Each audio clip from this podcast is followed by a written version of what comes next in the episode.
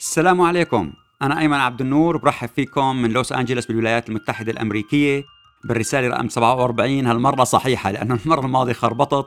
قلت إنه 47 هي كانت 46 بشكركم على المتابعة الكبيرة كثير كثير للرسالة وهي موجهة لكل الشعب السوري وين ما كان يكون داخل سوريا بالمخيمات بالمغتربات بكل مناطقه. وإن شاء الله بنرجع شعب واحد مثل ما كنا طول التاريخ. أيضا بشكركم على المتابعة الكبيرة وانكم تحولوها بطلب إنه ما توقف عنكم الرسالة تحولوها لكل رفقاتكم بتويتر بالفيسبوك بتحكوا عنها بالكلب هاوس تبعتوها بكل الأماكن وسائل التواصل الاجتماعي. الآن هالأسبوع الموضوع الأكبر اللي الكل عم ينتظره. نحن سجلنا قبل ما تتم تطلع نتائج القمة آه، يعني فما رح نقدر نعلق على ما جرى فيها. رح نعلق على النفس العام باتجاهها وشو اللي صار بمرحلة الترتيبات. هلأ خلينا نحكي على المكشوف رح نحكي قضايا كمان مثل المرة الماضية. بتذكروا بالرسالة 45 كنا أول من نشر أول وسيلة إعلام حتى قبل الصحف الأمريكية كلها. وقت اللي نشرنا ب 2 حزيران يونيو آه، قبل حوالي 13 يوم إنه آه، في سوريا موضوعة على قائمة الأجندة للمباحثات بين الرئيسين بايدن وبوتين. وهذا الشيء صار ثابت وأعلنوه بشكل رسمي يعني الجانبين الروسي والأمريكي. رح نعطي أيضا كمان معلومات غير منشوره سابقا في أي وسيلة إعلام. فخليكم معنا لحتى تدركوا اولا حقيقة ال ال ال يعني القمة خلينا نقول قصيرة يعني عدة ساعات وليست عد يوم واحد مطول بمعنى عدة جلسات صباحا وجلسات بعد الغذاء مسائية أو أو يومين. وبالتالي عدة ساعات ما بتتجاوز مثلا بين ثلاث أربع ساعات فتتصوروا حجم الضغط النقاش اللي لعديد جدا من الملفات ضمن آه، هالوقت القصير المضغوط. هذا حتى نكون اثنين. آه، ما وافق الرئيس الأمريكي على أنه يطلع مسودة بيان ختامي بعد القمة وبالتالي هذا الأمر بيتحضر سابقا وبيتم تعديل النقاط الفقرات اللي فيه على حسب شو تم التوافق. ما راح يطلع وما راح ينعمل آه، على الأغلب مؤتمر صحفي مشترك. فكمان هي آه، يعني مؤشرات مهمة خلينا نكون بذهننا. يعني لحديت الآن هي المعلومات اللي رشحت. آه، أيضا في منظمة سورية أمريكية هي مواطنون من أجل أمريكا آمنة كانت طلبت من الرئيس الأمريكي انه يحط يح بلقائه آه، مع الرئيس أردوغان الرئيس التركي أمرين حقيقة. أنه يطلب من تركيا توحد الجيش والفصائل المسلحة الموجودة بشمال غرب سوريا تحت هيكل قيادة موحد. اثنين أنه يطلب من تركيا أنه تسمح للسوريين بقدر أكبر من الحكم الذاتي وإنشاء مؤسسات ديمقراطية تؤدي إلى انتخابات بشمال غرب سوريا وأنه لأنه بسبب اللي عم تذكر المنظمة أنه في تقارير عم بتقول أنه المسؤولين المحليين الأتراك هن اللي عم بيستبعدوا أصوات السوريين المحليين ولازم يعطوهم دور أكبر بقيادة المنطقة.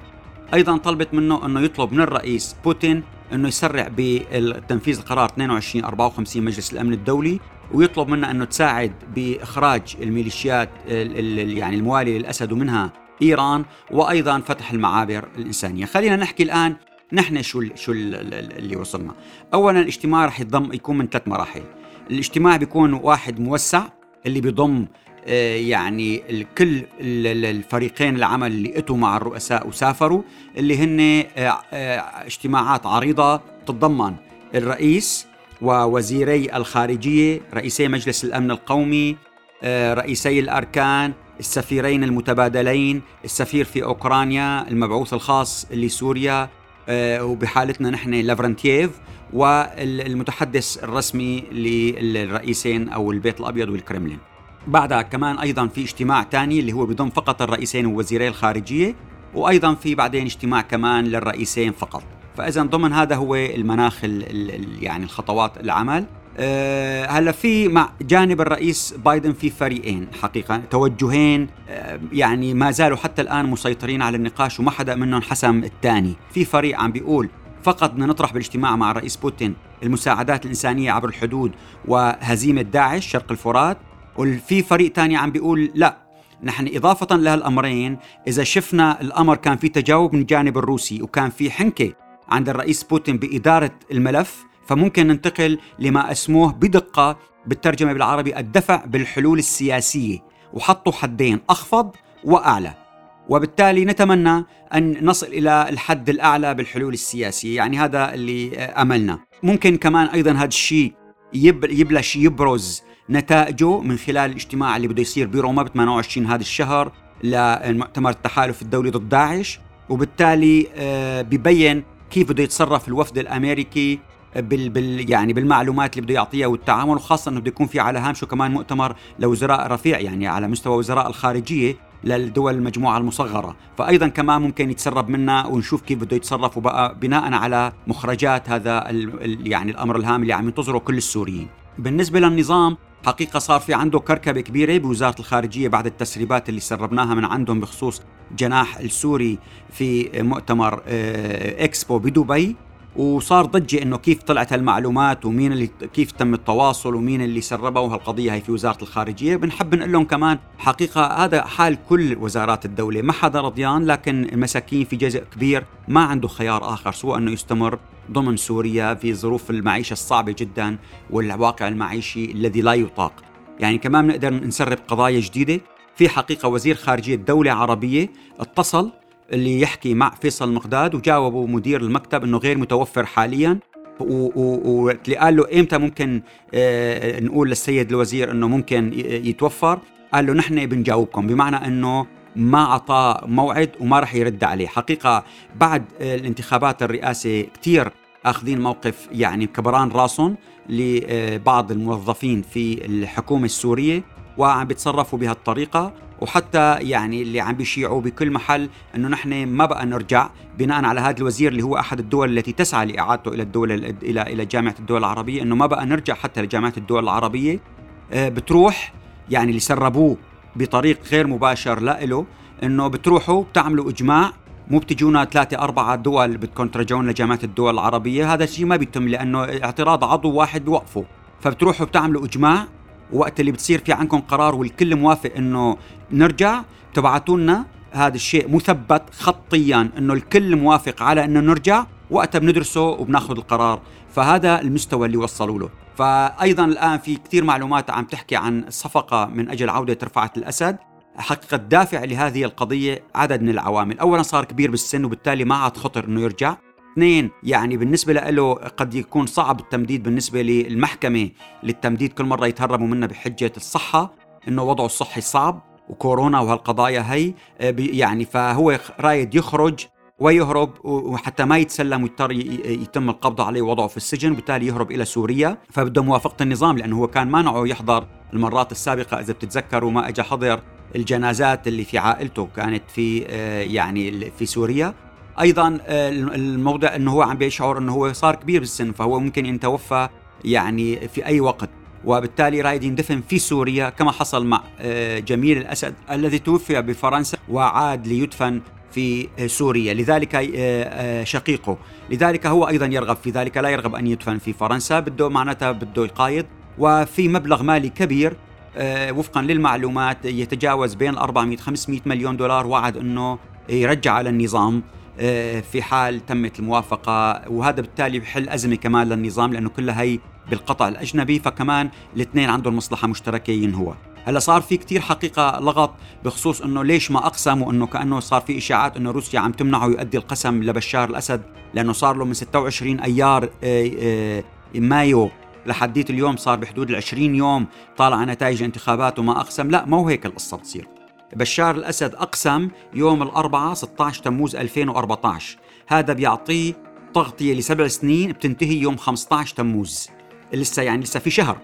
فاما هو بيرغب إنه يقسم بنفس اليوم آخر يوم يعني 15 تموز صباحا أو مساء أو ثاني يوم الصبح مثلا 16 تموز أو 17 على حسب إذا كان في أيام عطله أو لا. فهذه الأمر عائد للترتيبات الأمنية. اثنين الحكومة لا ما مثل ما عم بينشاع إنه هي تعتبر مستقيلة الآن. تعتبر مستقيلة من يوم 16 تموز مو 16 تموز القادم.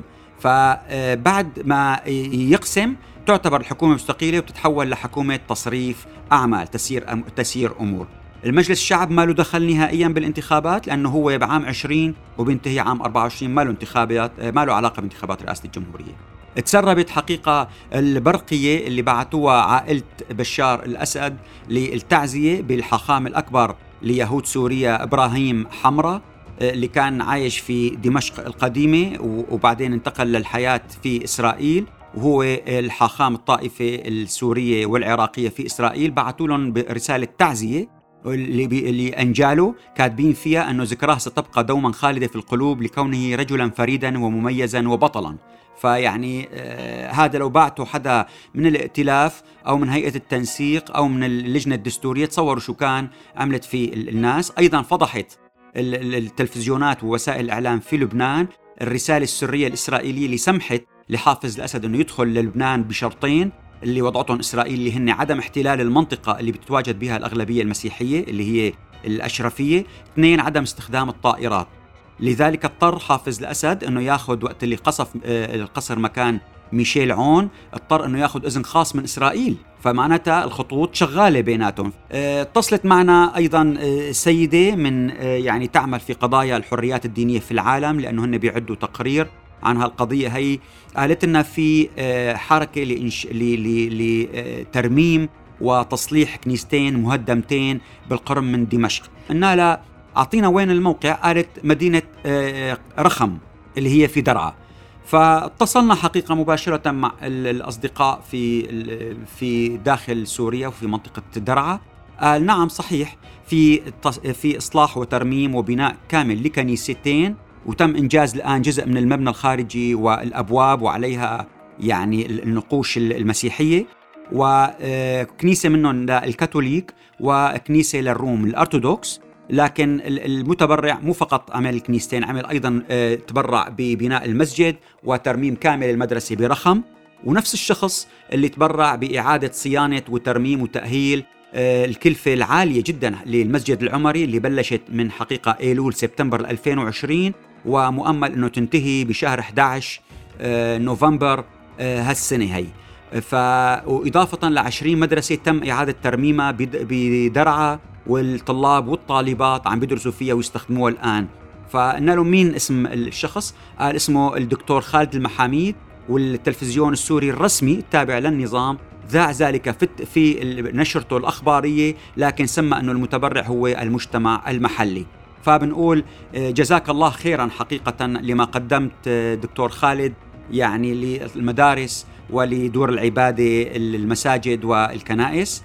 أيضا بنقول مبروك للسيدة نادين منندز اللي انتخبت البارحة رئيسة ومفوضة كبرى لمفوضية حقوق مفوضية الحريات الدينية بامريكا وهذا منصب عالي جدا رفيع وحساس لأنه بيصدر تقرير سنوي عن الحريات الدينية في كل دول العالم. وبناء عليه تأخذ وزارة الخارجية قرارات والكونغرس الامريكي طبعا هي أول أمر راح تقوم فيه بعد ما استلمت منصبها البارحة. الأسبوع الجاي راح تسافر للمنطقة. رايحة للبنان وبعدين رايحة لمنطقه شمال شرق سوريا منطقة الإدارة الذاتية وراح ترجع باول بالاول بالأسبوع الأول من تموز يوليو لأنه في عندها محاضرة بمؤتمر مهم بواشنطن. حقيقة بالنسبة للاجئين السوريين في كثير آه، قضايا يعني مهمة صارت. الوزير الدنماركي للاجئين اللي هو والدينه لاجئين ذكر معلومات مهمة قال إنه في 4000 شخص سافروا من الدنمارك راحوا لسوريا. في 7000 سافروا من السويد إجوا من السويد. وفي 2000 إجوا من بقية دول الاتحاد الأوروبي سافروا من مطار كوبنهاجن لسوريا. من ضمنهم 1500 طفل وعادوا بدون أن يتعرضوا إلى أي اذى لذلك هذا هو المبرر الذي يستخدمه من أجل إخراج السوريين. عم بيقول ما دام في دول مجموعهم 13000 آه، سافروا لسوريا بين أعوام 2018 و19 و20 فلا يمنع من إنه السوريين اللاجئين إنه يسافروا لهونيك لأنه أصبحت بالنسبة له عم بيعتبرها دولة آمنة. فهي صارت في مشكلة. السوريين هم الأكثر اندماجا بالنمسا. أيضا اليونان أصدرت قرار للاجئين من سوريا وأفغانستان وباكستان وبنغلاديش والصومال إنه ممكن يرجعوهم لتركيا لأنه اعتبروه دولة ثالثة آمنة. الإدارة الذاتية حقيقة عم تبحث ملفي أسرى داعش وإعادة الأعمار بباريس حيث التقى وفد منها مع لجنة العلاقات الخارجية بالبرلمان الفرنسي والتقوا أيضا مع ممثلين من وزارات خارجية 13 دولة وبحثوا معهم ما يجري بالملف السياسي وملف المعتقلين في الإدارة الذاتية من جماعة داعش وكيف لازم يرجعون لدولهم. المجلس الرئاسي بمسد عم بيناقش مستجدات الأزمة السورية وآليات توحيد المعارضة. الراديو السويد كشف إنه حق في مصلحة الهجرة ترفض منح الجنسية السويدية لأشخاص كانوا مقيمين بالسويد وكانوا على علاقة بالتنظيمات الكردية بسوريا من قسد وحزب الاتحاد الديمقراطي. السبب هو ارتكاب هذه التنظيمات لأعمال عنف منهجية. استنكرت الإدارة الذاتية بشمال شرق سوريا اعتقال ممثلها بإقليم كردستان العراق إضافة لاعتقال كردستان عضوين من, من, من إدارة العلاقات بحزب الاتحاد الديمقراطي البي دي فهذا كمان أيضا مهم. بالشمال غرب سوريا في عدد من القضايا المهمة. من أربعة أشهر تقريبا توقفت الرواتب اللي تعطي اللي كانت عم تنعطى لعناصر فصائل الجبهة الوطنية والجيش الوطني وهذا عمل خلق أزمة كبيرة كثيرة منهم وأدى إلى أنه بحدود ال 2200 شخص عم تركوا وراحوا التحقوا بالتنظيمات الأخرى. يعني في مشكلة كبيرة هون. أيضا روسيا عم بتصعد آه، بإدلب وارتكبت حقيقة صار في ارتكابات آه، آه، يعني في ناس عم تتهم روسيا في ناس عم تتهم الإدارة الذاتية وقسد بارتكاب مجزرة عفرين اللي استشهد فيها 18 مدني وأصيب 61 آخر واستهدفت مشفى الشفاء داخل المدينة. الجالية السورية الأمريكية عم تتحرك الآن لتطلب من نواب بالكونغرس توجيه رسالة, رسالة للإدارة لمطالبة الأمم المتحدة بالتحقيق بحادثة الهجوم على مشفى عفرين. أيضا مطران ماردين وديار بكر للسريان الأرثوذكس زار مع والي أورفا عبد الله قرين مدينة رأس العين وعملوا جولة وزاروا الكنيسة وتحدثوا عن تحسين الخدمات وتوفير الأمان. التقوا مع وزير الدفاع سليم إدريس ووزير الداخلية محي الدين هرموش وقائد الفيلق الثاني العميد أحمد عثمان. طبعا هذا الشيء قلة الأمان ليس فقط برأس العين بل بكل المنطقة. يعني بال 2020 بمنطقتي درع الفرات وبعبرين بعفرين صار في 35 انفجار انتحاري. فبالتالي هذا أدى إلى مقتل وجرح حوالي 104 مدنيين. أيضا بتوفى 27 شخص برصاص مجهولين يعني في فلتان أمني. أيضا أدى تسرب لمادة الفيول بنهر الفرات. بمنطقة جديدة بكارة والدحلة والصبحة بريف دير الزور إلى تلوث كل مياه الفرات هنيك بيوم 13 حزيران يونيو. نواف البشير عم ينتقل للحضن الروسي وجاب تسوية أوضاع ل 1200 شخص وعينهم بضمن نقاط الحراسة ومقرات في المناطق الخاضعة للنفوذ الروسي بدير الزور. بسبب عدم توفر الحليب والزبدة الحيوانية وارتفاع أسعارها بسوريا كان طالع قرار بتصنيع أشباه الأجبان والألبان. بينضاف إضافة للحليب بيقوموا مستحلبات وزيوت نباتية من قطن آه، زيوت القطن وزيوت النخيل الرخيصة. بتخلي الحليب أصفر بيقوموا بيضيفوا له مادة بيضاء هي السبيداج. وحليب مجفف صيني رخيص خالي الدسم بيؤدي إلى تأثير سلبي جدا على الصحة. بسبب كثير المطالبات أدى الوزير يطلع قرار بإيقافها صار في ضجة كبيرة حقيقة بخصوص رفع الخزانة الأمريكية العقوبات عن عن سامر الفوز. خلينا نحكي بدقة اللي صار. رفعوا عن شركتي ASM و Silver Pine آه، حقيقة صار في فشل بوزارة الخزانة الأمريكية من الإشارة أنه هي سيدة سيلفر آه، باين منى لشقيقه. هي ذكروا أنه لشقيقه حسين الفوز وحطت أنه عنوان شقيقه في مدينة اسكندرون هذا غير صحيح. هي السيدة حسن وهي أنثى. وبالتالي يعني هذا بيؤدي إنه عدد من البنوك ممكن ما ينفذوا القرار بشكل صحيح. يقولوا نحن عم ندور على حسين الذكر ما شفناه بقانون العقوبات وبيضلوا يتعاملوا مع حسن الأنثى. فاذا هذا كان والنص اللي نشرته وزارة الخزانة آه، يعني أدى إلى عدم فهم لدى بعض أعضاء الكونغرس. فثلاث نواب جمهوريين بعثوا له كتاب طلبوا فيها إنه تبعت لهم كامل الوثائق والمراسلات الداخلية المتعلقة بقرار رفع العقوبات عن الشركات المرتبطة بسامر فوز لأنه بدهم يشوفوا إذا كان في هناك صفقة سرية لم, يتم إعلام الكونغرس فيها من أجل رفع العقوبات عنهم من ضمن الاتفاق النووي مع إيران، يعني هيك قضايا تدقق قبل ما تنشر، اولا هي اسمها حسن وهي أنثى لازم تنكتب تعبير MRS. اثنين هي زوجته لمحمد جباوي الموجود بدمشق واللي أخذ ترخيص عقد مع الدولة من أجل ترخيص دفع إلكتروني عن طريق الموبايل. وهي شركة كبيرة الآن مؤمل أنه تصير كثير ضخمة في سوريا. الناجحون حقيقة السيدة ماكنزي سكوت مرته للسيد جوف جيف آه، بيزوس السابقة اللي هو بيملك أمازون الاسم المشهور. برعت ب 2.7 مليار دولار ل 286 منظمة غير ربحية ومنهم منظمة سورية أمريكية اسمها جسور. هي متخصصة بإعطاء منح للطلاب السوريين للتعليم العالي للدراسات بأمريكا وبكندا. وبنقول لهم شكرا للعاملين لإدارتها. ورغم إنه يعني ما حدا بجوز اسمه المتداول كثيرا في الإعلام هن السيدة رنا سكر ولين الزيبق اللي هن أسسوا هذه المنظمة وأيضا الناس اللي مشرفين وعاملين فيها هن بسام عيسى محمد طحان سهى توتونجي وأنس الشلبي. أيضا بنقول مبروك حقيقة للرياضيين السوريين اللاجئين لتأهيلهم في الأولمبياد طوكيو اللي بده يصير ب 23 يوليو تموز. القادم بده يفتتح بطوكيو وهن السباح علاء ماسو ويسرى مارديني. وبتنس الريشي آرام محمود بالملاكمة وسام سلمانة وبرياضة ركوب الدراجة الدراج أحمد بدر الدين ويس. بنقول للجميع شكرا.